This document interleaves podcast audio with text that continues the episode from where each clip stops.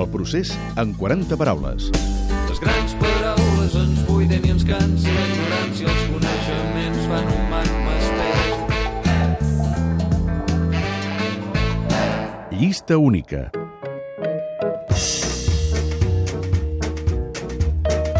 En llenguatge del procés, llista única es refereix a una única candidatura electoral independentista i, per ser més precisos, a una candidatura que integressin no només polítics provinents dels partits independentistes, sinó també membres de les entitats civils independentistes o gent independentista sense vincles partidistes. I de llista única no n'hi ha hagut mai cap, perquè la CUP mai ha acceptat compartir llista amb Convergència i Esquerra. El que hi ha hagut una única vegada és una llista no pas única, sinó unitària.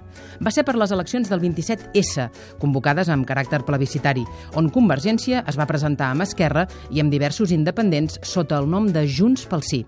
Els cinc primers candidats eren l'exiniciativa Raül Romeva, Carme Forcadell, de l'ANC, Muriel Casals, d'Òmnium, Artur Mas, de Convergència i Oriol Junqueras, d'Esquerra. Va ser una candidatura excepcional, vestida sota el lema El vot de la teva vida, i té molt poques probabilitats de repetir-se. Aquesta llista unitària la va exigir Mas a Esquerra com a condició per convocar el 27S. Una llista que compti amb el suport dels partits polítics que s'hi vulguin sentir representats. La llista la configuren persones representatives de la societat civil, professionals i especialistes en les matèries clau per a la construcció de l'Estat a Catalunya i persones proposades pels partits polítics implicats. Convergència sempre ha estat partidària de la llista unitària, mentre que Esquerra n'ha recelat. Però, curiosament, tant els uns com els altres justificaven les seves posicions com la millor manera d'eixamplar la base independentista.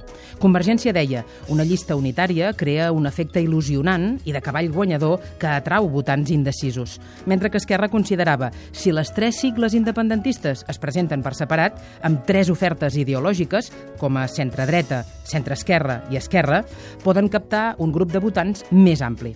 Per això sempre parlaven no de llista unitària, sinó de govern unitari. Caldria unes eleccions i un govern de la màxima unitat possible.